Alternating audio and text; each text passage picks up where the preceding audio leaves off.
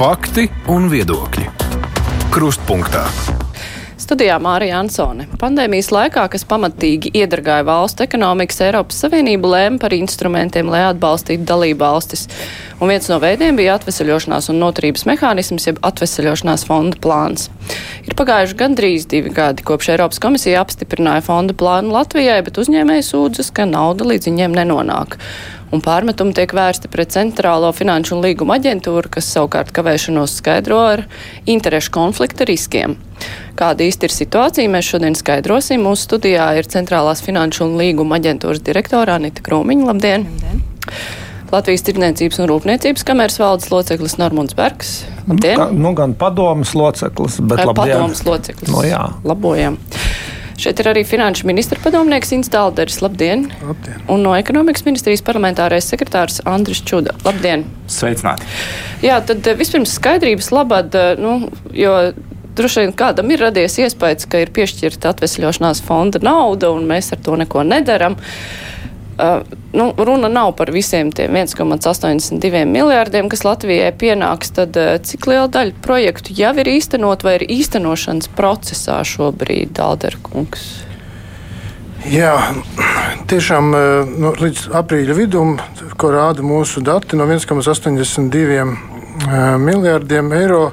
Tad šobrīd ir 89 investīciju projektu iesniegumi kopumā, kas ir šobrīd iesniegti, ir par 746 miljoniem. Faktiski tu, apmēram 40% no kopējā atjaunošās fonda piešķīruma. Katru nedēļu valdībā arī tiek uh, tiek skatīti jauni noteikumi un arī tiek aktīvi sekots līdz reformu plānu izpildē. Vēlreiz viens skaitlis īstenošanā ir 62 projekti, kas jau ir 547 miljoniem eiro, jeb 30%. Visvairāk noslēgtie līgumi ir nevienlīdzības mazināšanas jomā - 20 projekti par 53 miljoniem. Savukārt finansiāli apjomīgākās ir investīcijas 4 kopējie projekti par 217 miljoniem, ir klimata pārmaiņu jomā. Nu, mēs arī zinām, ka šobrīd eh, ļoti eh, aktīvi tikko Pagājušajā nedēļā beidzās pieteikšanās šiem industriālo centru reģionālo programmai, kas ir 80 miljonu apjomīga programma. Tur notiek vērtēšana. Daga, tas process iet, eh, process notiek. Skaidrs, ka ir atsevišķas, atsevišķas programmas, kurās ir diskusijas. Tā nekad nav bijis, ka nekur nebūtu kādi viedokļu atšķirības. Īpaši ņemot, ka šis ir jauns instruments, pieredzes nav ne mūsu, ne Eiropas komisijas pusē, un tie viedokļi arī, arī teiksim, mainās eh, procesa gaitā gaitā. Nu, un tad uh, arī precizēšanai tās problemātiskās ir tās divas pamatprogrammas. Viena ir 25 miljonu vērtā, kas ir izaugsma un nodarbinātība. Tur runa par jauniem produktiem un tehnoloģiju izstrādēm, un tas, notiek, tas tiek realizēts caur tiem kompetences centriem. Un savukārt otra ir digitalizācijas programma, kas iet caur Eiropas digitālās inovācijas centriem, un tur ir runa par 10 miljoniem Sākot Vai... no 10 miljonu programmu, tas ir uh, faktiski no kādiem 200 tā, tā, tā, sākot, tā, tā ir šiem centru darbības nodrošināšanas programma faktiski, un tad ir, protams, vēl pašu arī uh, to uh, programma noteikumi, kurus tad šie centri realizēs uh, jau tālāk, jālāk uh, apmācot un dažādos veidā savādāk sadarbojoties. Tad tā, kādas tur būs tās gala summas? Par kuru jūs domājat? Nu, es domāju, par šiem abiem digitālajai transformācijai kopējā pakete ir 200 līdz 300 miljonu eiro. Milzīga nauda. 200-300 miljonu, un tas iet caur gan kompetences centriem, gan vai ne, tikai caur ediciem? Tikai caur ediciem. Nu, protams, ka arī šai digitālajai transformācijai liela daļa ir arī valsts un pašvaldību projektu, kuri tiešā veidā tieši tiek realizēti ne caur kādām biedrībām vai sabiedriskām organizācijām, bet tiešā veidā to veids pašvaldības vai valsts institūcijas. Tas ir atsevišķi vesela pakete. Ja kopumā mēs runājam par IKT sektoru, tad tuvākajiem pieciem līdz sešiem gadiem apjoms, vai, vai teiksim, ja mēs runājam par septiņu gadi, tad iepriekšējā septiņu gadē un šajā septiņu gadē tas IKT nozars kopējais, tur ir viss, tur ir dzelži, programmas, apmācības, vismaz pieaugst četras reizes. Nu jā, ne, es, es vispirms gribu vienkārši salikt lietas pa plauktiem, jo cilvēkiem, es domāju, nav ne tuvu skaidrs, teiksim, pirmkārt par kādu apjomu ir runa, un otrkārt, kas ir tie tajā skaitā kompetences centri un kas ir šis Eiropas uh, digitālās inovācijas centrs, kas to veido, un tāpēc arī rodas tas apmulsums. Uh, caur kompetences centriem par kādām summām mēs varēsim runāt, kad tas tie projekti būs realizēti? Kas tur pienākās? Jā, caur edīciju iet 200-300 miljoni, kas tad būs ar kompetenci centriem? Šobrīd aktuāls ir šis 25 miljoni. 25 miljoni. Labi, un arī tad skaidrībai, lai visi saprot, šie kompetences centri, kas tos veido, jo tad, kad runa ir par uh, iespējamiem interešu konfliktu riskiem, tad tiek piesauts, ka tieši tas, kā tiek veidot šie kompetences centri, ka tur tas risks arī slēpjas. Tad kā, kā tas viss veidojās? Kompetences centros apvienojās nozares uzņēmumi, kas uh, kopīgi mēģina attīstīt un radīt jaunas inovācijas savā nozarē. Un uh, Bēlika kungs, kā kā viens no viņiem varētu detalizēti izstāstīt. Jā, runa ir par astoņām nozarēm jūs, astoņiem kompetences centriem. centriem. Un jūs pārstāvat elektronikas, elektronikas un optikas kompetences mm. centru. Un savukārt digitālās inovācijas centri tie tika atrasti kā izveidoti šie centri ir nepieciešami tieši šo te digitālo testu veikšanai, auditēšanai. Līdz ar to, lai, lai īstenot kādu no potenciālajām digitalizācijas programmām, kuras mēs esam sagatavojuši, ir jāveic šis digitālā bezrietuma tests. Lai uh, spētu noteikt uh, uzņēmumu gatavību un uh, nepieciešamo risinājumu piemērošanu. Un, uh, tad šie te centri tad arī ir tie, kas veiktu šos te testus nu, arī atbilstoši nozares pārstāvji apvienojoties viņos kā, kā uzņēmumu. Labi.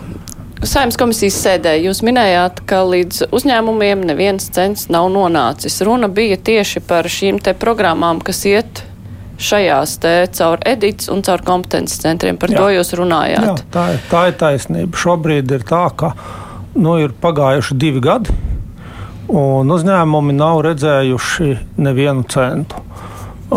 Šarms šai atvesaļošanās fonda programmai ir tāds, ka tā ir ļoti precīzs beigu termiņš, un tas ir 28. gada 1. jūlijas. Noteikums, ka projekts ir jāapgūst pilnībā. Nu, tas ir vai tiek izpildīti visi mērķi, un tad nauda tiek saņemta, nu, jeb tiek izpildīts daļai, un nauda saņemta netiek. Un šeit laiks ir ārkārtīgi svarīgs, nu, jo jūs saprotat, ja jums ir cukura maiss uh, uz četriem gadiem, Un tad jūs to cukuru maisu noturiet pagrabā un pēdējā dienā iedodiet uh, jums, piemēram, maisu ar cukuru un teikt, tagad ēdiet nu, vārgulis. Nu, tiešām nevar apēst cukurmaisu tik salds, tik labs. Ja? Un mēs šobrīd esam tajā situācijā, ka tas laiks nepielūdzam iet uz priekšu. Un, nu, mēs, mēs mīcamies nu, tādās diezgan neiedzīgās diskusijās, man gribētos teikt. Jo šeit es gribu aiziet atpakaļ pie tiem kompetences centriem un, un to skandināšanu par interešu konfliktu.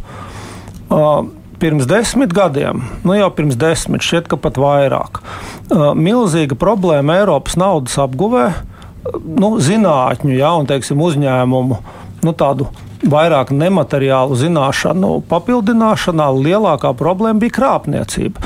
Nu, tādēļ, ka dažāda veida konsultanti nesa skaisti sarakstītus papīrus, un valsts puse nu, gauži saprotamā veidā nespēja iedziļināties tajā, vai tas, kas šajos iesniegumos un, un tajos papīros ir rakstīts, ir īsts vai nav. Ja?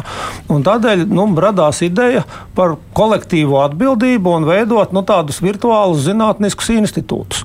Un tā bija valsts ar ministru kabineta noteikumiem, kuri noteica, ka uzņēmumiem ir jāorganizējās šajos kompetences centros ar ļoti striktiem noteikumiem, ka vajadzēja visas uh, augstskolas, kas tajā nozarē strādā, zinātniski pētnieciskos institūtus un vismaz 70% no eksporta. Nu, tas ir noteikumi, ar kuriem varēja šo kompetenci centru nodibināt, bija ļoti strikti, ieskaitot to, kādas ir prasības zinātniskajiem vadītājiem. Nu, tas ir tik savākta visa Latvijas inovāciju un zinātnes elite zem šiem kompetenci centriem. Un tad bija sacensība, bija konkursi starp kompetenci centriem ar iesniegtajiem projektu pieteikumiem. Nu, tas ir tā kā institūts uzstājas projektu paketi ar to, ko kas nozarei ir svarīgi un ar ko uh, vajadzētu nodarboties. Tad šie projekta pieteikumi tika vērtēti kā vienots veselums. Ja, nu, ja jūs gribat vēl vienu paraugu, nu, ir komandu sporta spēles, ja, ir hokeja izlase, un šīs izlases sacenšas savā starpā. Tiešām arī šajās projektu atlasēs tika noraidīti kompetenci centri. Ja, piemēram, mehānikas mašīnu būvniecības kompetenci centrs sākumā atbalstu nedabūja, jo tā viņa projektu pakete nebija pietiekoši jēdzīga. Ja? Tā ir tā lieta, ka valsts pieprasīja un joprojām pieprasa, ka kompetenci centrs ir ar noteiktiem parametriem. Līdz ar to pēc tam nākamajā solī pateikt iekšpusē, nu, ka jums ir uh, hokeja komandā interešu konflikts, nu, kādēļ jūs slidas, jeb kādēļ jūs izlasījāt tādus spēlētājus un nevis uh, nu, varēja jebkurš no malas pieteikties. Nu, vienkārši ir muļķīgi tādēļ, ka viss tā konstrukcija ir tāda, ja, ka kompetenci centrs ir kā institūcija. Nu, labi, nu, bet viss. Uh, arī, lai saprastu, visbeidzot, mm -hmm. cik tālu esam tikuši, tad te ir tāda vesela mm. soļu rinda, uh, sākot sākot ar to, ka valdība izstrādā tos, nu, ministrijas izstrādā mm. kritērijus, noslēdz ar uh, to, ka CFLA noslēdz līgumu vai no nu digitālās inovācijas centriem vai kompetences centriem, tad mm. mēs esam tajā viducītī, kad CFLA. Mēs esam pasaka, viducī, ka CFLA jā. ar daļu no centriem šos līgumus ir noslēguši, bet naudas plūsma nekustās. Nu, nekur. Labi. Kāpēc tā? Uh, jā, ja mēs runājam par um, šiem ediciem, tad uh, līgumi ir noslēgti un nu pat, īstenošana, nu jā, nu, mēs līgums varējām noslēgt tajā brīdī, kad mēs saņēmām no ediciem uh, projektu pieteikumus. Uh, tad, kad mums ir līguma priekšmets, tad mēs arī līgumu attiecīgi varam noslēgt. Uh, līdz ko kā saņēmām no ediciem precizētos projektu pieteikumus, tātad gala versijas, tā divu dienu laikā līgumi ir noslēgti. Uh, edicija var, var ieviest projektus. Ja mēs runājam par kompetenci centriem, tad arī ar kompetenci, pareizāk sakot, kompetences centriem, tātad ar kompetences centriem mēs arī līgums esam noslēguši. Tagad tas process jau ir nākamajā fāzē, kad kompetences centri dibina tātad projektu atlases padomis, vērtē pētījumu projektu pieteikumus un tad nes šos te pētījumu pieteikumus mums grozīšanai kompetences centra līgumos tā ir tā stadija, kur mēs šobrīd esam ar visiem kompetences centriem. Un tajā brīdī, kad uh, mēs saņēmām uh, pirmā šīs te uh, atlasīto uh, pētījumu projektu pakas, tad uh, veicot savus kontrolas, tad mēs arī redzējām, kad uh, konstatējām tātad šos te interešu konfliktu riskus, kad daļai pusei gandrīz, nu tā, ja mēs nopaļoti skatāmies to kopējo situāciju, tad pusē no šiem iesniegtajiem pētījumiem mēs konstatējam interešu konfliktu risku, ka projekta atlases padomē ir bijis pārstāvis, kura uzņēmums tālāk ir nācis ar šo pētījumu projektu. Bet vai tas, ka padomē ir pārstāvis, kur uzņēmums nāk ar pētījumu projektu, vai tas ir pretrunā valdības noteikumiem vai nav pretrunā valdības noteikumiem? Nu, kā mēs esam šobrīd secinājuši, tad valdības noteikumi ir interpretējami un tie, ir, tie šobrīd tiek interpretēti no kompetences centra puses tā, ka nu, ir, ir viss izdarīts pareizi, jo attiecīgais padomas loceklis nav piedalījies konkrētajā sēdē un lēmumu pieņemšanā. Bet, ja mēs paskatāmies uz saskaņojumu, uz kādiem nosacījumiem Eiropas komisija ir saskaņojusi šo, te pie, šo te programmu, tad Eiropas komisija ir pateikusi, ka arī šāda situācija tiek uzskatīta par interešu konfliktu, ka šai te projektu atlases padomē ir jābūt, jāsastāv no tādiem locekļiem, kuru pētījumi netiek iesniegti. Kā atsatīšanās konkrētam padomas loceklim, ja tas ir saistīts ar uzņēmumu, kas arī savu pētījumu iesniedz, tātad, ja tiek konstatēts interešu konflikts, tad šim padomas loceklim ir jāiet no atlases padomas vispār ārā, ir jāizvieto ar citu, uh, citu pārstāvi. Ministrijas tur nesaskata problēmu, jo, ja tie noteikumi ir nākuši šie pretrunīgi interpretējumie noteikumi no valdības, bet valdība jau droši vien kaut ko domāja pašos pamatos, pat tad, ja tur sanāca tāds plaši interpretējams rezultāts, tad uh, kam šajā situācijā ir taisnība, vai tam, ka pastāv bažas par interešu konfliktu un ka padomē nevajadzētu atrasties eh, cilvēkam, kur uzņēmums arī piedalās, eh, kā valdība to bija domājusi? Jā, eh, šit, kā jau mēs dzirdējām, šī nav jauna programma. Viņa ir vairāk kā desmit gadus darbojusies līdzīgi jau iepriekšējā periodā. Un līdz ar to um, arī mūsu teiksim, uzskatā, tad, kad mēs runājam šajā atvesļošanās plāna, ietvaros bija tiešām divas daļas. 25 miljoni tā saucamais tilta finansējums, kas ir domāts, uh, lai būtu tiešām aizvietojums tajā brīdī, kad kompetenci centru programma ir pārtraukta pēc, pēc vecā regulējuma. Un savukārt tālāk jau domājot, mums ir vēl šī atvesļošanās fonda, ir vēl vairāk kā 100 miljoni paredzēti līdzīgām aktivitātēm. To tad veidot pēc jauna klasteru principa tāds arī bija vienošanās ar, ar Eiropas komisiju. Un, e, veidojot šos noteikumus, e, tiešām tika do, ņemts vērā, ka tas tiks veidots tādā pašā veidā, kā tas ir bijis līdz šim. Bet jau e, tādā paralēli šim visam procesam Eiropas komisija veica auditu gan par veco periodu, gan arī atsūtīja mums vairākus viedokļus no dažādiem ģenerāldirektorātiem, ka šāda pieeja vairs nav akceptējama, ka arī viņi ir pārbaudījuši, viņi uzskata, ka šeit ir problēma. Vairs nav akceptējama, bet pie tā, ko mēs jau esam izdarījuši ar šādu pieeju, vai tur draud kaut kāds finansējuma atņemšana, vai, vai to viņi pieņem? Iep, par iepriekšējo periodu, respektīvi septiņi gadi, mēs turpināsim uh, diskusijas ar Eiropas komisiju. Mēs neatzīstam par to, ka, ka šeit ir bijušas problēmas. Uh, mēs kā, kā valsts uz, uz, uzsveram kopā ar valdību kopumā, ka, ka šeit interešu konfliktu nav bijis. Bet tajā pašā laikā mēs saprotam, ka šeit ir risks. Mēs nevaram garantēt, kā mums šīs sarunas beigsies. Tādēļ jauno, jauno eh, teiksim, finansējumu piešķīrumus jāveido pēc tiem nosacījumiem, ko mums ir skaidri gaiši pateikusi Eiropas komisijas gan auditori, gan, gan dažādi arī eh, gan reģionālās eh, DG, gan arī pārējie. Ka, tieši tā kā minēja Krumīs kundze, ka vairāk mēs šādā veidā, ja atlases komisijā atrodas šie locekļi, kas paši ir saistīti ar uzņēmumiem, kas saņem šo finansējumu, mēs šādu procesu nevaram turpināt. Tas nozīmē, ka šajā brīdī CFLA rīkojas pareizi to visu piebremzējot un prasot citus padomus. Sliktā ziņa varbūt ir, ka, ko es varu uzņemties arī iespējams vainu uz sevi. Mēs janvārī tikāmies ar ekonomikas ministri, eh, kura arī nu, ministri ir atbildīga. Mēs arī stāstījām šo situāciju un aicinājām izveidot teiksim, jaunu regulējumu un grozīt šos noteikumus, eh, lai būtu atbilstoši tam, kāds ir šobrīd šī brīža Eiropas komisijas viedoklis. Diemžēl, nu, dažādu jā, iemeslu dēļ, tas ir droši vien mums kopā jārunā, šis neno, nenotika šis process, un tādēļ arī šie, šis nu, teiksim, ir iekavējies šie maksājuma saņemšanas uh, procedūras.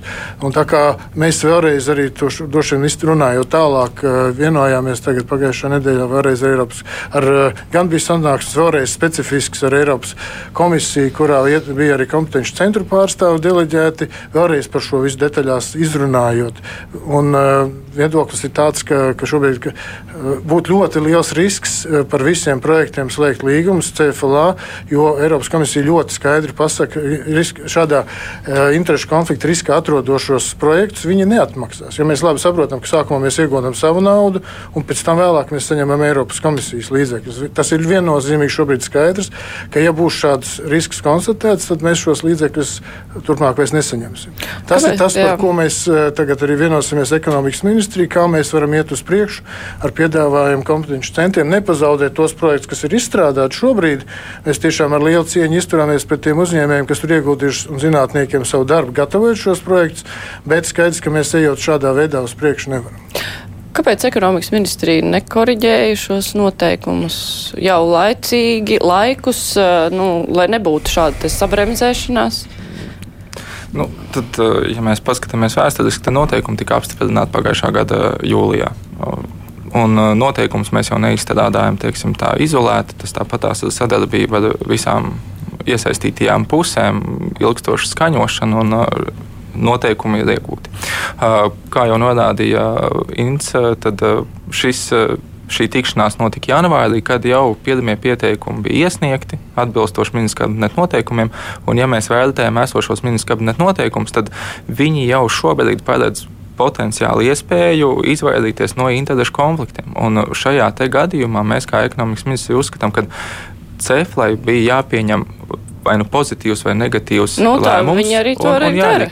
Bet, nē, viņi jau to nedara. Viņi jau kopš tā, pagājušā gada oktobra Nu, nu, vai preventīvi konsultējoties lēmumu. ar pieteikumu iesniedzēju, tad aktējot uh, šos ministru kabineta noteikumus, kā viņi to saskata, uh, kopā ar iesniedzēju veikt preventīvo darbu un sagatavot atbilstoši šos pieteikumus. Kāpēc jūs tā nedarījāt? Kāpēc nepieņēmāt lēmumu vienkārši atmetot un viss? Jā, nu mēs, kā jau Dārdēļ kungs minēja, mēs, mēs centāmies rast risinājumu, lai nebūtu jānoraida. Jo mēs, protams, varam jebkurā brīdī arī noraidīt līdz ko kā mēs redzam, kad ir, ir neatbilstības, bet, nu, mūsuprāt, bija risinājums. Un tādēļ mēs arī šo risinājumu piedāvājām jau janvārī. Tas bija viens risinājums, piesaistot neatkarīgus ekspertus vērtēšanai. Nu, ja šis risinājums nav, nav pietiekams, tad vai nebija akceptējams, tad, tad tika domāts par citiem risinājumiem principā, kā saglabāt šos te, nu, projektus un, un, un, un pētījumus, kas ir jau iesniegti, ņemot vērā, ka nu, paši pētījumi jau nav, nav jau slikti. Ja? Mēs, mēs, mēs vienkārši centāmies iet uz to, lai mēs rastu risinājumu tam, kas jau ir izdarīts. Bet eh, nu, tajā brīdī, kad jūs pasakat, eh, mēs jums iesakām eh, visu izdarīt pareizi, un cits variants mēs noraidām, sniedziet, nezinu, varbūt atkārtoti, tur tīri laika ziņā, kas būtu ātrāk. Nu, mēs šobrīd runājam par pāris mēnešiem, jo, nu, principā tie pētījumi, kas mums ir iesniegti, jā, ir, ir pāris kompetences centri, kas ir iesnieguši pagājušā gada beigās, bet ir vairāki, kas ir iesnieguši šogad, ja nemaldos, ir, ir gan, gan janvāris, gan, gan marts. Nu, jā, mēs runājam varbūt par mēnesi laika, ko mēs būtu iekonomējuši noraidot, un, un, un nu, tad kompetences centri var rīkot at, atkārtots konkursus. Bet mēs noteikti nerunājam par um, diviem gadiem vai pat ilgāku laika periodu. Tas ir diezgan ātrs laika, īs laika periods. Mēs saulēcīgi līdz ko kā mēs šo situāciju redzējām, tā mēs arī signalizējām un, un, un, un gājām pie ministrijas tātad meklēt risinājumus. Par cik kompetences centriem vispār ir runa? Kur, kur ir tās problēmas, par, vai arī pareizāk sakot, par cik projektiem ir runa, kur ir problēmas ar šiem te padomus locekļiem un lēmumu pieņemšanu? Kā, kā jau es minēju, sākotnēji tie ir aptuveni puse ir aptuveni puse ir tādi pētījumi, kas ir, nu, kur nekāda interešu konflikta nav, ko mēs varam apstiprināt un ko mēs esam gatavi arī tātad ar šiem te līguma grozījumiem uh, apstiprināt jau šobrīd, bet uh, puse ir tādi, kur, uh, kur mēs saskatām interešu konflikta risku. Tas viss ir jāapstiprina tādā vienā kaudzē vai nevar dalīt? Var dalīt. Un tas ir tas mūsu piedāvājums šobrīd, ka mēs tātad dalām visus tos, kas ir, ka, kur nekādas problēmas netiek saskatītas. Tās tie, tie, tiek, tie tiek apstiprināti jau šobrīd katram kompetences centram. Tā sava nu, pētījuma paka vai pētījuma komplekts, tā teikt, kas ir, nu, kas ir, kas ir bez jebkādiem riskiem. Tos mēs varam grozīt līgumos un, un, un, un, un tur viss var tālāk notikt. Bet nu, ar tiem pārējiem, kur ir interešu konflikta risks, nu, tas mūsu piedāvājums šobrīd ir principā divi piedāvājumi. Viens ir, kad vai vai nu mēs iedodam kompetences centriem atpakaļ pārvērtēšanā, kompetences centri var veidot atkārtoti jaunu uh, atlases padomi un šos te pētījumus pār, uh, pārvērtēt, vai arī, ja tas nav risinājums kompetences centru prātu, nu tad arī tad mēs varam viņus noraidīt un tad kompetences centri var taisīt jaunu uzsaukumu. Kāpēc netiek uh, darīts tas? Nu, tā problēma jau tā ir zināma, ka, ka kāpēc uh, CFLA neapstiprina šos projektus. Ja ir bijušas kaut kādas sarunas, uh, vai ir kaut kāda principiāla nevēlēšanās mainīt tos padomus locekļus vai Nu, kāpēc tas vispār tā rodās? Nu, Vai tā ir savstarpēji tāda nesarunāšanās? Jā, nē, es domāju, ka tā ir sarunāšanās un vēlme nu, tikt ārā no tās situācijas. Bet nu, jūs saprotat, ka mm, kompetences centri uh, burts burtā lasa un ievēro ministru kabinetu noteikumus. Nu, saprotiet, nu, ir normatīvais regulējums, kas saka, kādā veidā uh, nu, jums tā programma un tie pieteikumi būtu jāpilda. Un tur, ticiet man, ir daudzos punktos atrakstīts tas, kādā veidā novērš šo te uh, iedomāto interešu konfliktu. Bet kāpēc jums un, šķiet, ka tas ir iedomāts jā. interešu konflikts? Jo nu, Eiropas nu, komisija jā. var tomēr neakceptēt tad, ja kāds ir pieņēmis lēmumu jā, par savu bet, jā, bet, vēl, uzņēmumu. bet vēlreiz, nu, mēs esam atpakaļ punktā viens uh, kompetences centrs ir projektu pakete visā procesā no pirmās dienas līdz pēdējai. Katrā sēdēs ir klāta ekonomikas ministrijas pārstāvis. Ja? Naudu dala CFLA. Ja? Vēlreiz, tas ir apmēram tāpatās, kad mēs ietu pie jums mājās un prasītu, kādēļ jūs vienam bērnam dodiet tādas pusdienas un otram otras. Nu, jo kopumā pabalsts pienākas ģimenei. Nu, tas ir mēs uzskatām, ka šobrīd tā interešu konflikta interpretācija aiziet tālu pāri jebkurām normām un pie kam pat arī tad šīs atlases komisijas tiek taisītas jaunas. Ja? Nav tā, ka kāds atturētos. Ja? Tiek veidota jauna atlases komisija, kas arī skata šo projektu. Jo nu, kopumā jau katram projektam ir nepieciešama kompetenti cilvēki, kas spēj pēc satura to izvērtēt. Nu, tas ir mēs esam nonākuši tādā absurda teātrī. Nu, tas ir tas, ko man gribas teikt. Ja? Bet, bet tā tīri idejiski, vai jūs piekrītat tam, ka, nu, ka mm. nevar pieņemt eh, lēmumu tāds padomas pārstāvis, kura uzņēmums. Bet viņš nekad nav pieņemts. Tas nekad nav, nav bijis. bijis. Nekad. Nevienā padomē, nevienā vietā, nevienā brīdī. Nu, jā. Nav nekad. Nav nu, mēs velkam ārā dokumentus un skatāmies, kuri padomjas locekļi ir piedalījušies sēdēs projekta atlasē. Nekad tā nav bijis. Nu, tā ir tā lieta, ka nu, tā, tā prasība ir vienkārši nu, tiek apvainojumi ir melīgi, jo tā tas nav, vienkārši neatbilst patiesībai. Un, nu, rezultātā uh, arī tās prasības ir tādas, nu, kur mēs kasam pakausi un domājam, nu, principā varētu stācijas bombuļu komandu paņemt, nu, viņi nebūs interešu konfliktā. Bet skaistums kompetenci centriem, nu, visai tai sistēmai ir tāds, ka pa visiem projektiem kolektīvi atbild šie projektu iesniedzēji. Tas nozīmē, ka ja kāds projekts izgāžas, pārējiem ir pienākums šos zaudējumus samest un atmaksāt CFLA. Nu, tas ir šobrīd, tur ir uzbūvēta schizofrēniska sistēma un tiek prasīts kaut kas tāds. Nu, jūs saprotiet, ja, jums, ja jūs paņemsiet kaut kur no malas, piemēram, bet nu, no malas mums CFLA šķiet ļoti normāls arbitrs. Nu, nāciet, sēžiet, mēs viņam to piedāvājam jau gadiem. Nāciet, sēžiet šajās atlases padomēs, lemjiet, un tad nebūs interešu konflikts, un mēs esam mierā ar to. Mums tas der. Ja? Mums saka, atrodiet tādus speciālistus, elektronikā, piemēram, kuri kaut ko saprastu uh, no elektronikas bet nebūtu tajā kompetenci centrā.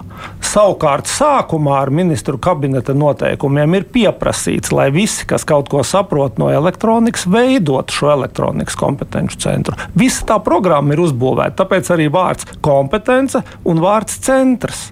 Saprotiet? Nu, labi, tad no. neviens padomas loceklis nav pieņēmis lēmumu par sevi. Nu, pat nu, teica Berga kungs. Jā, Kāpēc jums ir locekļi nepiedalās lēmumu pieņemšanā par sevi? Tātad viņi nepiedalās vai nu tajā sēdes daļā, vai vispār nu sēdē nepiedalās. Veidotas citas padomes. Būsim korekti, pieturēsimies pie faktiem. Tiek veidotas jaunas padomes. Lasiet dokumentus. Jā, mēs Neviens lasām dokumentus, un, un nu, tad mēs lasām dokumentus, un tieši no dokumentiem mēs arī redzam, ka ir viena padome, un šīs te padomas loceklis, kura projekts tiek iesniegts apstiprināšanai, nepiedalās šajā sēdē. Un, uh, tas ir tas arī, ko konkrēti uh, Eiropas komisija ir arī pateikusi, ka ar atstatīšanos no lēmumu pieņemšanas vien nepietiek, jo netiek nodrošināta vienlīdzīga attieksme pret visiem. Netiek nodrošināta vienlīdzīga attieksme pret tiem uh, pētījumu iesniedzējiem, kuru pārstāvi šajā atlases padomē nepiedalās. Un, uh, līdz ar to tas arī rada risku, ka uh, nu, vai nu šim pa konkrētajam padomas loceklim nepiedaloties tieši sava projekta pieteikuma apstiprināšanā, tātad uh, tas nenozīmē, ka uh, viņš nevar ietekmēt pārējos projektus, kas tiek apstiprināti. Un, uh, līdz ar to arī skatoties uz to īpatsvaru, kas ir, uh, kas ir uh, nu, kur uh, tiek apstiprināto projektu īpatsvars ir lielāks uh, tiem uzņēmumiem, kuri ir pārstāvēti arī atlases padomē. Un tas arī, arī komisija to ir norādījusi arī savā auditā, ka tas tātad liecina par to, ka, kad Um, nu, šī attieksme nav bijusi vienāda un vienlīdzīga. Un tas sašaurina arī pārējiem pretendentiem vēlmi un iespējas piedalīties un pretendēt uz šo finansējumu. Kā jūs redzat uh, šo strīdu? Nu, kuram tad ir taisnība? Nu, šeit taisnība ir tas, uh, kurš noteikti varētu teikt, donors ir, kas valsti, kas šo naudu piešķir. Tā ir Eiropas komisija. Viņa ļoti skaidri pateikusi vairākās reizes, ka uh, tie, tie projektu tie cilvēki, kas ir saistīti ar kādu no projektiem, ir, ir nedrīkst piedalīties vērtēšanas procesā vispār. Vārds all together, tas ir kopumā. Nedrīkst piedalīties vērtēšanā. Vispār arī par citiem projektiem. Arī par citiem mm. projektiem. Tas ir ļoti skaidri pateikts. Jā, tas ir zināmā mērā pretrunā tai praksē, kāda ir bijusi līdz šim. Un, eh, nu, mums ir jāmainās. Tur nav nekāda varianta šobrīd, ja mēs šo naudu gribam saņemt. Bet, eh, nu, kā tad ir ar to nozares eh, pārstāvju ierobežojošo dalībnieku skaitu? Ir tā, ka tiešām visi tur ir kaut kā iesaistīti nozarē un nav cilvēku, kurus piesaistīti? Nu, nav. Nu, ja, jūs, ja jūs interpretējat interešu konfliktu ar sastāvēšanu vienā sabiedriskā organizācijā, vienu skolu beiguši, nu, beidziet divu latviešu, jebkurās attiecībās būs interešu konfliktā. Bet atpakaļ. Jūs saprotiet, šis ir tikai viens neliels gabaliņš nu, no tās kopējās ārprāta birokrātijas. Ja? Mēs sakām, ka mums ir nepieciešams ieguldījums zinātnē, mēs esam otrie sliktākie Eiropas Savienībā. Mums ir nepieciešama viedā reindustrializācija, mums ir nepieciešama digitalizācija. Nu, un tajā pašā laikā mēs nu, gadiem, nu, jūs saprotiet, tos kabineta noteikumus konkrētos kompetenci centri pieņēma pirms gada, pagājušā gada jūlijā. Un, nu, mēs nodarbojamies no nu, tādu diezgan bezjēdzīgu uh, nu, matu skaldīšanu. Nu, jā, ne, mēs, tomēr... mēs, saprotiet, mēs, mēs ieurbjam dziļumā, ne, neredzot to kopējo mērķi. Nu, īstenībā no, no biznesa viedokļa nu, mums jau ir viena alga, nu, kādu to programmu uzstājas, lai viņi uzstājas jēdzīgu. Ja? Nu, jā, nē, bet, nu, prasīt, bet prasīt mm -hmm. neiespējamas lietas, lai jūs neviens nepiedalītos lemšanā un tad atbildētu materiāli par pieņemtajiem lēmumiem, nu, piekritīsiet, skan jocīgi. Nu, jā, nē, nu, droši vien, ka galvenais ir, lai Eiropas eh, nauda tiek saņemta, un eh, par to nav, nu, tas nepaliek tā kā mūsu valsts pārziņā, bet eh, tomēr, nu, es gribu saprast, kā šis te konkrētais jautājums var tikt atrisināts. Ja CFLA piedāvā izveidot jaunu padomi, mm. kur nav cilvēku vispār, kas arī nepiedalās ar, par citiem lēmumiem, kas varētu būt saistīts ar eh, kādu no projektiem, vai ir iespējams izdom, izveidot šādu padomi, lai gal galā tas lēmums tiek pieņemts? Mēs nezinām, tas nebūs viegli. Nu, tādā, tas nebūs viegli. Ne? Mm -hmm. Nu, mēs ne, bet, ne, teiksim, mēs redzam, ja, ja, ja, C, ja CFLA iedot piecus savus darbiniekus rītdien, nu, mēs viņiem to kāpēc nākiet? Nu, Krumīns kundze, nākiet, vērtējiet. Mēs priecāsimies un nebūs interešu konflikta. Nu, dariet to, lūdzu, rīt. Interešu konflikts nerodas no tā, vai mm. netiek novērsts no tā, ka mēs piedalīsimies, vai, vai, vai viens vai Daldera pieci. kungs, lai nāk un vērtē, mēs jūs nākat par, vērtējat, mēs priecāsimies. par tiem locekļiem, kas piedalās un kuru uzņēmumu pretendē uz šo finansējumu. Par Jā. to ir tas stāsts. Un stāsts par to, ka šie locekļi nedrīkst piedalīties arī projektu atlasē, mm. ja viņu uzņēmumi uh, pied, pieprasa finansējumu no konkrētā kompetences centra. Kā jūs no ekonomikas ministrijas eh, puses raugoties šo komentētu? Arī no tā viedokļa, nu, ka mums gal galā tā nauda ir jādabū no Eiropas Latvijā iekšā. Jā, bet tad ir jārespektē šis Eiropas komisijas audits eh, attiecībā uz potenciālu interešu konfliktu. Un eh, šajā aspektā mēs gan piekrītam to, ka nu, vērtēšana komisijām ir jābūt atšķirīgām no saņēmējiem. Tas, tas, tas nav diskutabls jautājums. Tā problemātika tomēr slēpjas tajā, ka jau četrus mēnešus nekādi lēmumi netiek pieņemti, un, un uh, kompetenci centri ir gaidās. Nu, kā, kāds tad būs tas lēmums. Mēs jau šeit varam diskutēt un, un runāt, bet tas jau nav leģitīms pamats, lai nu, sāktu rīkoties. Un, un, un šobrīd ir tā nepieciešamība no Ceflas puses. Tos uh, projektus, kas, kas atbilst visiem kritērijiem, tad nu, kā jau jūs norādījāt savā vēstulē, apstiprināt, un, un tiem, kas neatbilst, tad uh, veikt šīs preventīvās darbības un pārvērtēt viņus. Nu, tas, tas, tas būtu tas, tas ceļš, kas šobrīd būtu ejams un uh, kas būtu visoperatīvākais veids, kā lai atrisinātu šo problēmu. Piekrītat? Ne, nu, jā, CFLA iedos ļoti konkrētus, uh, konkrētu veidu, kas viņiem ir darām, der, un mums ir izdarāms Nešaubīgi, nu, mēs jau to gribam no, no pirmās dienas redzēt. Nu, tā problēma ir, ka uh, ir kabineta noteikumi, pa ko visi ir vienojušies, nu, ka pie šiem mēs dzīvojam. Ja? Un tad parādās interpretācijas, nu, ka tas, ka kabineta noteikumi nav gana labi. Ja? Nu, tā ir viena problēma. Un otra problēma, ka balstoties uz šiem kabineta noteikumiem, ir paņemta darbā desmitiem cilvēku, kurš viņiem maksās. Nu, tas būtu tāda pati situācija, nu, ja CFLA darbinieki pusgadu nesaņemtu algu. Nu, tad brīdī, kad aizies projekts, tad mēs jums sākam maksāt. Un jūs varat attiecināt. Nu, jūs varat iet uz veikalu un pirkt desu un sakt, attiecināsim, kaut kad samaksāsim. Nu, tā ir tā dzīves reālija, kuros ir tas bizness. Nu, jūs saprotat, ka nu, mēs savādāk runājam šobrīd nu, tā šausmīgi atrauti no tās pasaules. Ja. Nu, kad mums pieder viss laiks uz pasaules, nu, jo nauda radās vienkārši tumbačkā. Nu, biznesā tā nav. Nu, biznesā, ja ir projekts, ir projekta uzstādījums, un to es izpildīju visas prasības, tad tajā brīdī, kad nu, tiek vilkts laiks, nu, tie ir dzīves zaudējumi. Ja. Nu, tā ir tā lieta, un vēlreiz es atkārtoju. Nu, ļoti, ļoti izskatās pēc tā, ka arī visos tajos digitalizācijas projektos nu, mēs dzīvosim līdzīgā, līdzīgā veidā. Ja. Un atkal pie tā, ka mēs gribam nu, to eksportu un gribam to biznesa attīstību, nu, tas ir jāraksta kabineta noteikumi. Arī valsts iestādēm ir jābūt tām, kuras ir ieinteresētas, lai tie projekti sāktu strādāt rītdien, nevis pēc trīs gadiem. Ja? Mm. Nu, Kromīns kundze, tā ir tā problēma. Ja? Nu, labi, nu. Jūs eh, saimnes komisijā minējāt eh, nu, ja. tos eh, tas ierobežotais laiks un Jā. Eh, cik apmēram eh, kaut kādi tādi reāli tie, tie projekti, nu, ja mēs saskaldam to visu kaut kādās mm. reālās darbībās, tad uh, kad ir pēdējais brīdis, kad sākt, lai visu pabeigtu? Nu, viens projekts vidēji iet divus līdz trīs gadus. Nu, skaitiet atpakaļ. Tas nozīmē, ka, nu, jā, jā. tagad. Jā, nu, jā. Nu, ka, mm -hmm. principā jau ir nokavēts. Nu? Nu, tas, ir, tas ir tas stāsts, kad nu, vēl pēc gada mums teiks, klausies, nu, tev ir deviņas sievietes, un mums to bērnu vajag mēnešu laikā. Un būs ļoti bēdīgi, ka mēs teiksim, nu, principā daba ir uzbūvēta savādāk. To nevar. Ja? Nu, tas ir tas lielākais pārmetums, ka valsts pārvaldē piedara viss laiks uz pasaules. Viņas var vilkt un vilkt un vilkt un vilkt. Ja?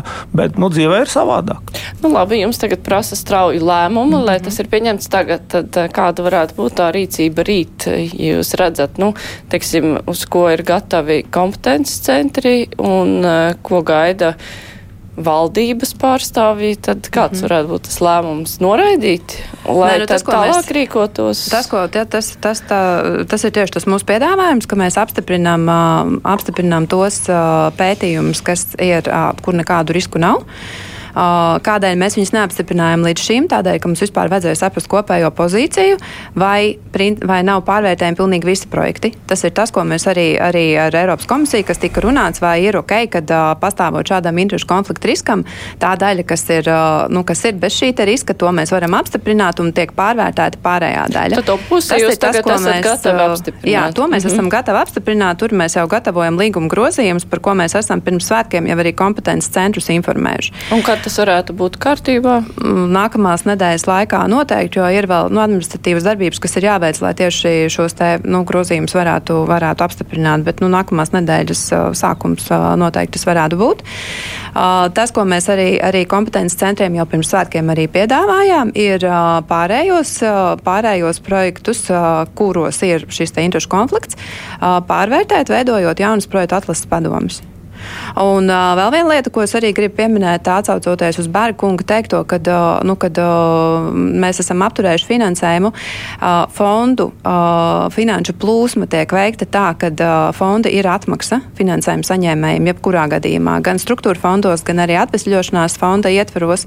Tātad uh, finansējuma saņēmējiem piesakot projektus ir jābūt uh, pašiem uh, gatavībā šos projektus īstenot, un pēc tam jau tiek uz atmaksu tiek iesniegti izdevuma pieprasījumi. Līdz ar to uh, nav, nav problēma šobrīd tos projektus arī īstenot. Jā, protams, tas ir pašu risks, bet ja viss tiek izdarīts tieši tā, kā tas ir prasīts un tāds, kāds ir tās prasības, tad arī nu, uh, šos projektus var īstenot un tā atmaksa tiek veikta pēc atmaksas principa. Nu jā, bet arī pašiem jāieguldās. Jā, bet tas ir visos fondu mm. projektos tā tas ir. Tas, ir tas, garantijas. ko, tas ir tas, ko finansējuma saņēmēji iesniedzot projektus, vēl īpaši projektu pieteikumos visos apstiprina, kad viņiem ir pietiekama finanšu kapacitāte, lai šos mm -hmm. projektus varētu īstenot, zinot, ka fondu nauda nāk uz atmaksas principa. Nu, labi, tad apzinoties, ka laika tiešām nav, tad nu, tās jaunās padomes būs. Jo, zinot, nu, tas jau citādāk, tas ir strupceļš vienkārši tajā pusē jā. Protams, protams mazs komentārs par Kromiņas kundzi, tā ir taisnība par naudas plūsmu, bet nu, tu vari ieguldīties tad, kad tev ir līgums. Nu, kur ir tu saproti, uz kādiem noteikumiem tu ieguldies. Nu, to jau nav. Nu, tā ir tā lieta. Jā. Nu, līdz ar to tas neiztur kritiku, nu, ka tu sēdi virsū un neparaksti un vienkārši velc laiku. Nu, tās ir divas ļoti atšķirīgas situācijas. Savukārt, pa padomēm vēlreiz, uh, nu, ja mēs, uh, ja, ja CFLA nāks klajā ar, ar nezinu, sanāksmes sasaukšanu un ļoti precīzi, ļoti detalizēti, rakstiski uh, izklāstīs, nu, kas ir jādara pa punktiem. Ja, ja tas ir izdarāms, protams, mēs darīsim. Vēlreiz es, es vēlreiz atkārtoju publiski. Krūmiņš kundze, nākiet, lūdzu, padomēs. Mēs visvairāk priecātos, ja CFLA iedotu katram kompetenci centram padomi, kur ir skaidrs, ka šī interešu konflikta nav pat iedomājamā, pat nenosapņojamā. Un viņi atbild par to, ko viņi tur dara. Mēs priecātos, mēs, mēs krautu kaudzē tos uh, projektus un lai viņi stiprina vai noraida. Nu. Uzrakstīsiet pa punktiem. Pa punktiem mēs jau mm -hmm. esam piedāvājuši. Mēs esam gatavi uh, klātienē tikties ar katru individuāli, katram individuāli izstāstīt, kur tieši konkrētajā ko, uh, kompetences centrā ir tātad šie te, pa, uh, šie te interešu konflikti, kuri padomas locekļi ir jānomaina, lai, lai uh, nu, būtu tīra atlases padoma, kas uh, uz vienlīdzības principiem var, var uh, pētījumu projektus apstiprināt. Un es vēlreiz Berkungs atgādinu, ka problēma nav tajā, ka CFLA nepiedalās padomēs. Problēma ir tajā, ka jūsu uzņēmuma pārstāvi piedalās arī atlases padomēs. Jūs piesakāties uz, uz uh, finansējumu.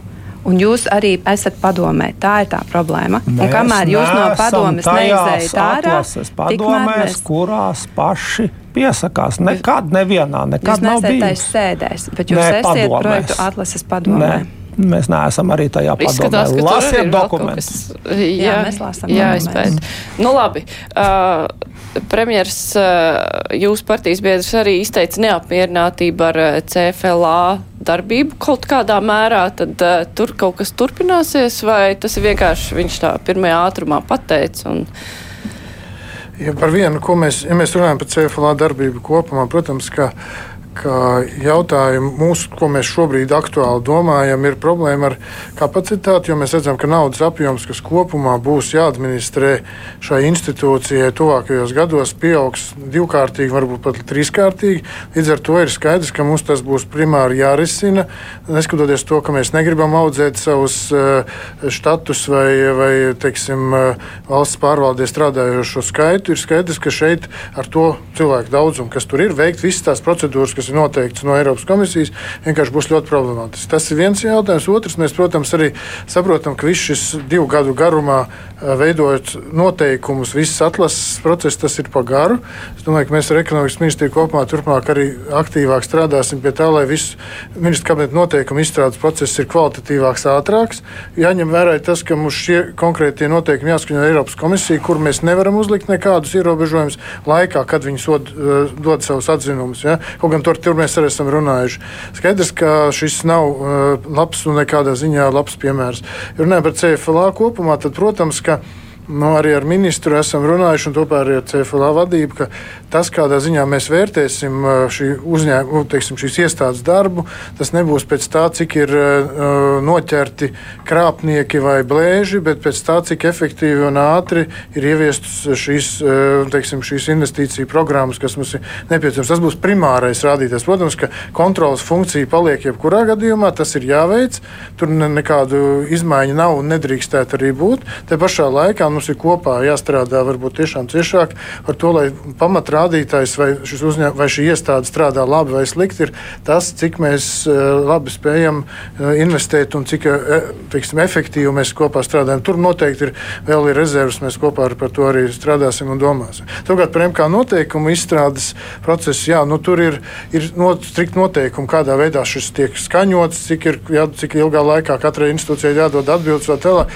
Tur ir uh, uzlabojumi nepieciešami nepieciešama pilnīgi noteikti, jo tas nav tas efektīvākais veids, kā, kā, mē, kā valsts pārvalde strādā. Tur es pilnībā varu piekrist, un tas mums ir jārisina pēc iespējas ātrāk. Tāpat arī kvalitāte. Nevar arī būt tā, ka ministrija viena sagatavo noteikumus, iesniedz finanšu ministrijā, tad saprotam, ka tā kvalitāte ir, nav, nav derīga, un tad mēs tagad finanšu ministrijā mēģinām visu to tagad, uh, salikt kopā un saglabāt. Nu, tā arī, protams, bet es saprotu, ka klausītājiem tās mm -hmm. mūsu iekšējās problēmas diez vai ir aktuālas un interesantas. Nu jā, es uh, vēl gribēju gribēju pavisam īsi, mums jau gandrīz laika vairs nav, par to kopējo atvesļošanās fonda naudas izmantošanu, jo tā informācija, kas arī nāca no finanšu ministrijas, bija, ka līdz aprīļa beigām bija ap, valdība apstiprināts 51 ieviešanas nosacījums, ne, 41 ieviešanas nosacījums 51 reformai. Lai skaidrāk, tas aptver 67% no kopējā finansējuma, un līdz gada beigām ir jābūt regulējumam par vispārējo. Un ieviešanas nosacījums kavē astoņas ministrijas, galvenokārt ekonomikas ministrija, satiksmes ministrija un izglītības ministrija. Tur tā daļa, kas ir izdarīta, ir, protams, izskatās daudz, 67%, bet tā pārpalikusī arī nav maz. Tur to paspēs visu līdz gada beigām. Ekonomikas ministrijā ir tā kavēšanās.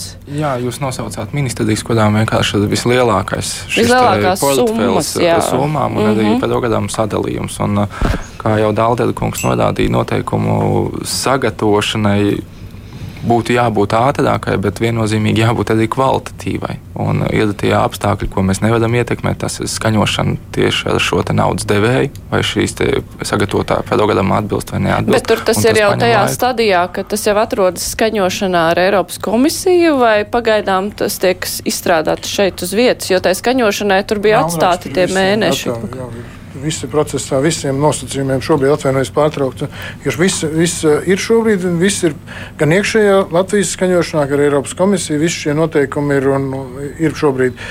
Protams, ir jāpaspēj līdz gada beigām, nav jau variantu. Nu jā, nē, tas, ko es mēģinu tā uztaustīt, ir, mēs šeit apspriedām vienu problēmu, kur laika nav un e, ir, būs grūtības ieviest, vai mēs pēc kaut kāda laika neattapsimies pie kaut kādas citas problēmas, par kur atkal vajadzēs spriest par to, ka laika nav, un tas ir, nu, ievērojams naudas apjoms tomēr. Kā tas izskatās jūsu ministrijā? Tur nebūs tādas radīt problēmas. Nu, mēs, nu, mērķis, e, protams, nav, bet e, cenšamies radīt visu, visu normatīvo regulējumu pēc iespējas ātrāk, lai varētu apgūt šos līdzekļus. Bet ir nepārvaramo varu apstākļi, kādi radās gan skaņošanas procesā, gan uh, viedokļu atšķirībās, kas, uh, kā jau teicu, ar starpministriju formā jārisina. Būt viena, ko es varētu piemetināt, ka tiešām šie pamatnosacījumi šai programmai kopumā plānam tika veidoti pirms divu pusgadiem apmēram. Kopš tā laika cenas visam faktiski ir mainījušās dramatiski. Līdz ar to arī mums šobrīd ir aktīvi šie plānu grozījumi ar Eiropas komisiju tiek skaņot, jo skaidrs, ka ne šo īres namu būvniecību, kas ir paredzēta noteiktā skaitā, ne citi sasniedzamie rādītāji vairs nav iespējami pēc tām cenām, kas ir šobrīd. Mēs tādu rekordu augstu inflāciju neviens neplānoja pirms diviem pusgadiem un nezinājām, ka būs šādi kara apstākļi, kuros mēs esam. Lai to arī jārēķinās, ir skaidrs, tas ne, noteikti nepātrina visu šo, šo procesu. Man, mūsu pusē šobrīd tiešām vairāk ir bažas ne tik daudz par to, vai mēs spēsim apgūt šo naudu, bet vai to mēs varēsim savu reformu plānu, kas ir pamatā visam šim dokumentam, sastāv no divām daļām. Tas ir reformas, tie ir dažādi gan reformas augstākā izglītībā, gan reformas daudzās citās jomās, kur, kuras mums ir jāiz, jāizpild un kuras prasa likumdošanas izmaiņas un smagas debatas uh, parlamentā. Un vai tur izdosies mums tiešām tikt visam uh, nu, kārtībā, jo šis ir pamatnosacījums, lai mēs saņemtu kādus maksājumus. Tur arī vesela rinda ir problēma. Līdz ar to viens ir šis investīcija daļa, kur ir noteikumi jāizstrādā normatīvais akts, jāpaspēj tiešām arī šie projekti realizēt. Otrs ir tieši šī reformu sadaļa, nu, un jebkurai, kas mums tagad ir ļoti būtiska un svarīga. Bet, ja jūs sakat, mums ir bažas, vai tas notiks, eh, tur var kaut kā iezīmēt eh, laika ziņā, jo tas 26. gads attiecās uz visu. Tad kas mums ir līdz kuram brīdim jāizdara? Mums Kur... ir ļoti precīzs plāns par ceturkšņiem, gan katrai ministrijai atsevišķi, gan katrai eh, reformai, kas ir jāveic, kādi noteikumi, kāds normatīvais regulējums. Tas viss ir salikts, tas arī ir izveidot speciālu ministru komiteju par Eiropas fondiem, tā skaitā ar atvesļošanās nodarbības mehānismu. Katru mēnesi nāku ministrijas atskaitās par to, vai viņus ir izpildījuši un kādēļ, tur, ja kaut kas ir mainījies, tas nav izdarīts. Līdz ar to nu, šobrīd tas ir uzlikts uz tādu maksimālu kontrolas režīmu, gan no finanšu ministra, gan premjera. Nu, mēs uh, sekojam līdzi, mēs esam, nu, kā teikt, uh, izaicinājumi nav nu, sarežģīti. Bet es gribu teikt, ka. Bet no grafika, cik at, mēs atpaliekam no tā plāna? Mēs neatpaliekam no savu grafiku šobrīd. Mēs savus maksājumus, tur tas nosacījumi ir tie maksājumu nosacījumu izpildi. Katrā pusgadā ir noteikts daudzums, kas kas ir jāizpilda tieši likumdošanas un reformu ziņā. Tur mēs šobrīd esam iekļaujušies, esam saņēmuši gan avansu maksājumu, gan pirmo maksājumu, atšķirībā no mūsu kaimiņu valstīm, kuri neizpilda šos nosacījumus un nav tikuši vēl līdz pirmajiem maksājumiem vispār. Tā kā tas e, nu, atšķirības ir dažādas. Ir dienvidu valstis, kuras ir ieguldījušas dažos lielos projektos, faktiski viņiem iet ātrāk jau šie maksājumi. Mums ir daudz, programma daudz sadrumstalotāka, jo mums arī daudz lielākas bija reforma prasības no Eiropas komisijas šim plānu izstrādē. Līdz ar to arī tur ir, atš ir atšķirīgs šis progress. Šobrīd mēs neko neesam nokavējuši, bet nu, grafiks ļoti saspringts. Nu, tad, eh, cik jūs liekat eh, procents, ka mēs tos 1,82 miljārdus tiešām izmantosim? Jo tad, kad eh, visi runā par to, kā mums vispār tikt cauri no visām finanšu problēmām, ka bez tajā skaitā domāt par nezinu, nākotnes pensijām un visu pārējo, ka šī nauda ir ārkārtīgi svarīga. Tad, uh, mēs, nu, cik lielā nu, mērā šim, viņu spēsim izmantot. Šī pieredze rāda, ka Latvijas tiek galā ar to finansējumu, kas ir bijis ārējais finansējums atšķirībā no citām valstīm. Mēs nekad neesam nu, kaut ko atstājuši neizmantot. Mēs esam pilnībā visus iepriekšējos periodus spējuši izdarīt, un mēs arī spēsim arī tagad. Un kā ar jūsu sadaļu? Jūs es, minējāt 200-300 miljoni. Es tad... atļaušos paust bažas un jautājumu, kurš no CFLA vadības un finanšu ministrijas ar uzvārdiem būs atbildīgs par to, ka šīs programmas ir apgūtas laikā. Jo tie ir ļoti vienkārši izmērāmi zaudējumi Latvijai. Kurš atbildēs par to? Tas tāpat kā kompetenci centrā projekti finansiāli atbild par to, ka viņi tiks izpildīti. Nu, būtu tikai pamatot prasīt šādu pašu veidu atbildību arī no valsts pārvaldes. Mēs šeit redzam asimetriju, un tā ir tā lieta. Ja. Un mēs aizmirstam to, ka arī visas tās grandiozās būves, slimnīcas, mājas un tā tālāk, pēc tam, ko uzbūvēs, būs kādam jāuztur. Un nav cita avota, kā uzņēmumu nomaksātie nodokļi. Un savukārt tie bez jauniem produktiem un bez ieguldījumiem pētniecībā un zinātnē nebūs. Ja? Mēs atkal mēs visu laiku ienirstam sīkumos, aizmirstot mērķi, kāpēc mēs to darām, kāpēc tas ir svarīgi. Un man šķiet, ka to nu, gan valsts pārvaldē, gan arī uh, masu informācijas līdzekļiem būtu vērts atkārtot katru dienu. Mēs, mēs aizmirstam, mēs tiešām aizmirstam par to. Tas tā nevajadzētu būt. Tas, nav labs veids.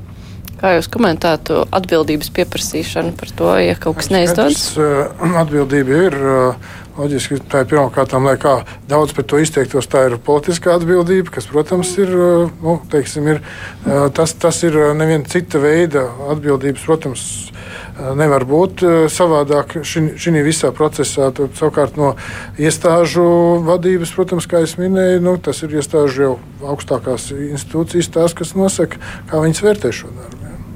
Tā kā, nu, protams, ka jāatbild būs tiem, ka tu, atbildība pēc tam noteikti kāds vērtēs. Ja.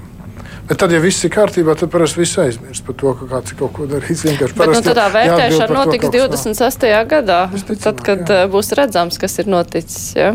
Jā, bet nu, skaidrs, ka uh, laiks ir maz ieguldījumi daudz, jo, jo mēs jau runājam šeit par 1,8. Mums jau ir 5 miljardu kohēzijas fonda aploksne, kas arī sākusies. Ir, ja, līdz ar to tas ir, nu, tur gan termiņi ir garāki, ja, bet arī tas, protams, ir jāspēj viss saplānot un arī nu, nu, administrēt. Un arī visiem, protams, arī kopumā arī jēga pilni ieguldīt. Un tāpēc šobrīd tā valdības līmenī lielākās diskusijas ir par to, vai tiešām paspēt laikā ieguldīt par jebkuru cenu, vai tomēr skatīties pēc būtības un jēgas un pēc maksimālas atdeves. Ja, un kas arī ir visticamāk, arī kompetenci centra programma tiks vērtēta vēlreiz esošie ieguldījumi iepriekšējos desmit gados, vēlreiz, cik tas tiešām ir pienesis ekonomikai, cik ir bijuši ieteikumi uz iekšzemes koproduktu, uz eksportu.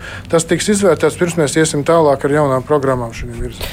Jā, un cerams, ka visiem izdosies labi sarunāties un savstarpēji saprotam. Es teikšu paldies Anita Krūmiņa, CFLA direktore, Normons Bergs, Tirniecības un Rūpniecības kameras padomes loceklis un SAF tehnikas valdes priekšsēdētājs Inns Dalders, finanšu ministra padomnieks un Andris Čuda, ekonomikas ministrijas parlamentārais sekretārs bija kopā ar mums. Rīt studijā būs kolēģis Arnis Krauze un viņš runās par policijas uzticamību pēc pēdējiem notikumiem. Kruspunktā izskan Evi Junām producente Mārija Ansona vadīja raidījumu. Vislabāk!